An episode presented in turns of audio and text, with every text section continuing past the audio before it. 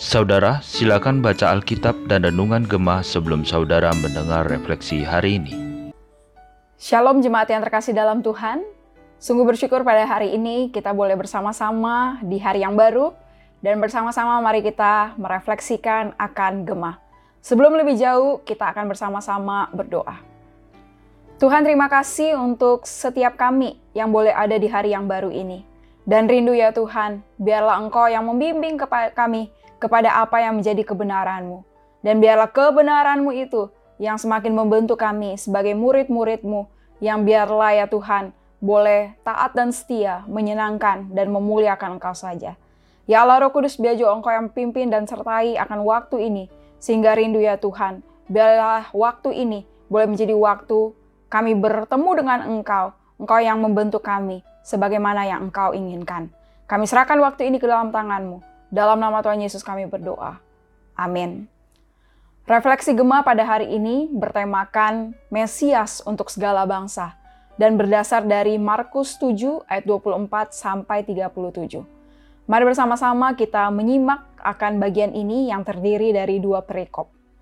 Ayat 24 sampai 30, perikop yang pertama, perempuan Sirofenisia yang percaya.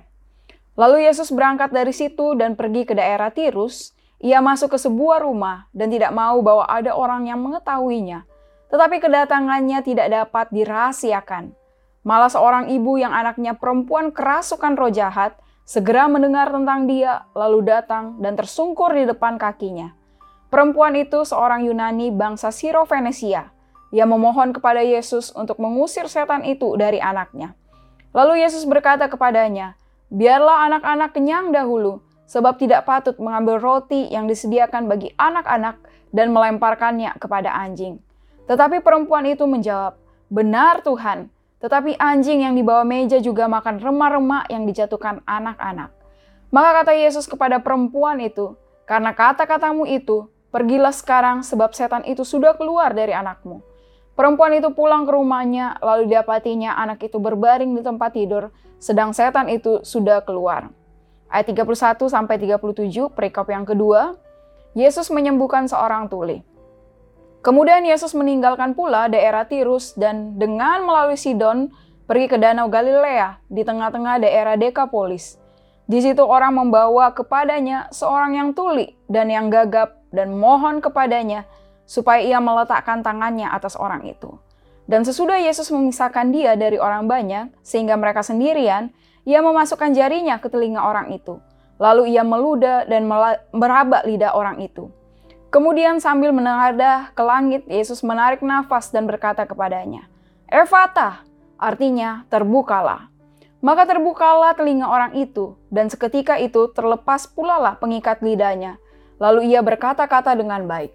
Yesus berpesan kepada orang-orang yang ada di situ, supaya jangan menceritakannya kepada siapa pun juga, tetapi makin dilarangnya mereka, makin luas mereka memberitakannya. Mereka takjub dan tercengang dan berkata, ia menjadikan segala-galanya yang baik, yang tuli dijadikannya mendengar, yang bisu dijadikannya berkata-kata. Jemaat yang terkasih dalam Tuhan, tentunya kita telah memahami Mesias ataupun Yesus Kristus datang ke dalam dunia ini untuk mencari dan menyelamatkan orang berdosa. Dan orang berdosa itu tentunya tidak terbatas hanya kepada bangsa ataupun suku tertentu. Namun meskipun kita telah memahami demikian, sering kali sebagai orang-orang yang telah diselamatkan oleh Tuhan, kitalah yang malah lebay bersikap rasis dalam menganggap siapa yang lebih pantas untuk diselamatkan. Ah, kalau dia tidak sebangsa dan sesuku dengan saya, janganlah ia diselamatkan apalagi mau bergabung dengan gereja saya. Sikap yang seperti demikianlah yang bila kita ingat dari banyak sumber yang membuat Muhammad Gandhi sebagai tokoh besar perdamaian di India tidak jadi masuk ke, gereja. Karena ia yang mengalami penolakan di gereja yang menyatakan bahwa gereja ini hanya untuk orang Eropa saja. Sehingga itulah yang membuatnya mengatakan saya tidak pernah menolak Kristus. Saya suka dengan Kristus. tapi saya tidak suka dengan orang Kristen.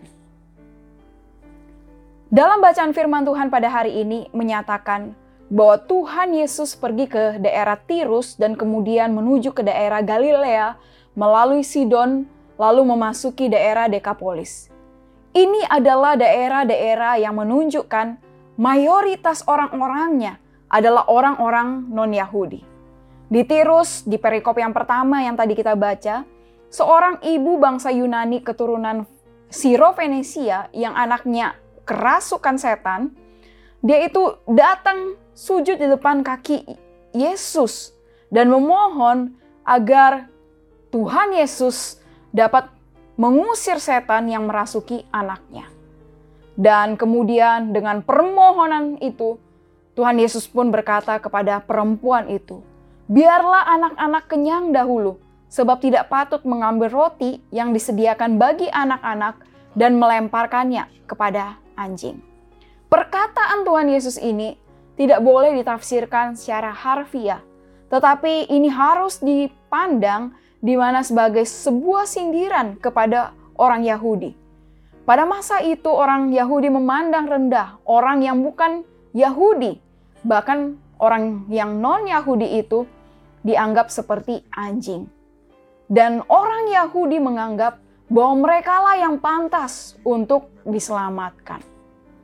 Dan dengan respon daripada perempuan Sirofenisia yang memperlihatkannya ada iman, dia mengatakan benar Tuhan, tetapi anjing yang dibawa meja juga makan remah-remah yang dijatuhkan anak-anak. Di sinilah yang memperlihatkan bahwa adanya iman yang mau mempercayakan hidupnya kepada Tuhan Yesus. Beda dengan orang Yahudi yang katanya pantas untuk diselamatkan, yang katanya adalah orang yang lebih layak di hadapan Allah. Mereka justru yang susah untuk percaya. Dan ketika kita melihat juga perikop yang pada yang kedua begitu di ayat yang ke 31 sampai yang ke 37, di situ kita memperlihatkan bahwa Tuhan Yesus itu juga menyembuhkan orang yang tuli dan gagap. Dia menyembuhkan di daerah Dekapolis yang juga adalah bukan mayoritas penduduknya adalah orang-orang Yahudi, melainkan orang non-Yahudi.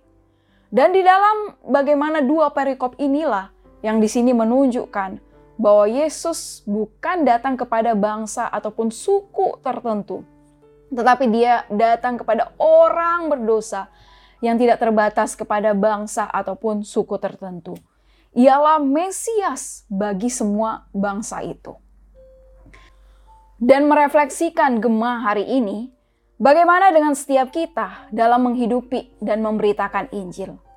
Adakah kita justru bersikap lebay, kita bersikap rasis, kita menganggap bahwa bangsa dan suku kita lah yang lebih pantas untuk menerima Injil? Tetapi biarlah melalui firman Tuhan pada hari ini kita diingatkan bahwa Tuhan Yesus datang ke dalam dunia ini. Dia mencari dan menyelamatkan semua orang berdosa yang tidak terbatas kepada bangsa ataupun suku tertentu. Mari kita tidak fokus hanya kepada bangsa ataupun suku tertentu di dalam bagaimana kita menginjili melalui kehidupan kita. Tetapi biarlah kita fokus di dalam kehidupan kita yang bagaimana menghidupi dan memberitakan Injil. Biarlah melalui kehidupan kita banyak jiwa-jiwa yang semakin diselamatkan dan Tuhan pun yang dimuliakan. Biarlah refleksi Gema pada hari ini yang juga boleh menguatkan kita untuk terus menghidupi dan memberitakan Injil Tuhan dan menjadi berkat bagi semua orang, tidak terbatas kepada bangsa ataupun suku tertentu, karena Tuhan kita pun adalah Tuhan, adalah Mesias untuk segala bangsa. Mari bersama-sama kita berdoa dalam hal ini. Tuhan terima kasih untuk firman-Mu yang telah berbicara kepada setiap kami. Dan Tuhan, bila firman-Mu pada hari ini mengingatkan kami ya Tuhan, untuk mengasihi sama seperti Engkau yang telah mengasihi kami. Dan biarlah juga ya Tuhan, kami tidak terbatas kepada bangsa ataupun suku tertentu, tetapi biarlah di dalam kehidupan kami, kami boleh berfokus di mana sebanyak-banyaknya biarlah Injil itu boleh diberitakan kepada semua orang, kepada semua bangsa, kepada semua suku. Terima kasih ya Tuhan untuk firman-Mu pada hari ini, dan biarlah firman-Mu ini yang juga boleh meneguhkan setiap kami. Dalam nama Tuhan Yesus kami berdoa. Amin.